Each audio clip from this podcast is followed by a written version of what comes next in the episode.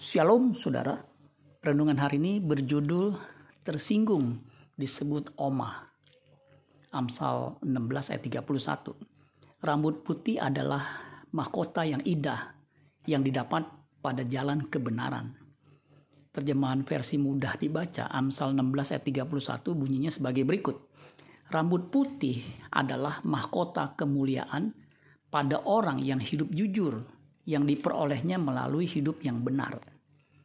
Salah satu tanda fisik umum yang menandakan seseorang sudah berumur lanjut adalah rambut yang mulai memutih, beruban. Meskipun ada beberapa orang yang rambutnya masih hitam, meskipun umurnya sudah cukup tua. Inilah kenyataan hidup yang dihadapi banyak orang. Di sebuah supermarket, ada seorang ibu yang tidak terima disebut oma karena dianggap sebuah penghinaan atau pelecehan. Ia begitu marah sampai memaki-maki orang yang memanggilnya dengan sebutan oma tersebut. Kemarahan yang tidak sepatutnya karena terlalu berlebihan. Apalagi yang bersangkutan sudah meminta maaf.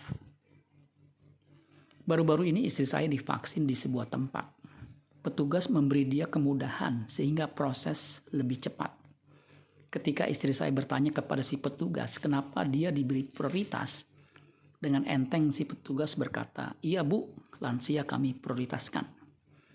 Mendengar jawaban si petugas itu, ia hanya tersenyum manis sambil mengucapkan terima kasih. Istri saya berkata kepada saya, untung rambut saya tidak saya semir sehingga saya dipermudah. Kedewasaan seseorang terlihat dari responnya terhadap suatu kejadian ketika ia terbiasa melalui jalan kebenaran, maka ia akan bereaksi dengan benar. Sikap yang agung dan luhur diperoleh melalui kehidupan yang dijalani dengan benar.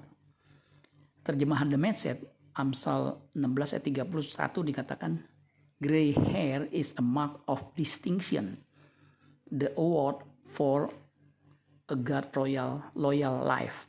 Rambut perubahan adalah tanda perbedaan penghargaan untuk kehidupan yang setia kepada Allah. Amin buat firman Tuhan. Tuhan Yesus memberkati. Sola Gracia.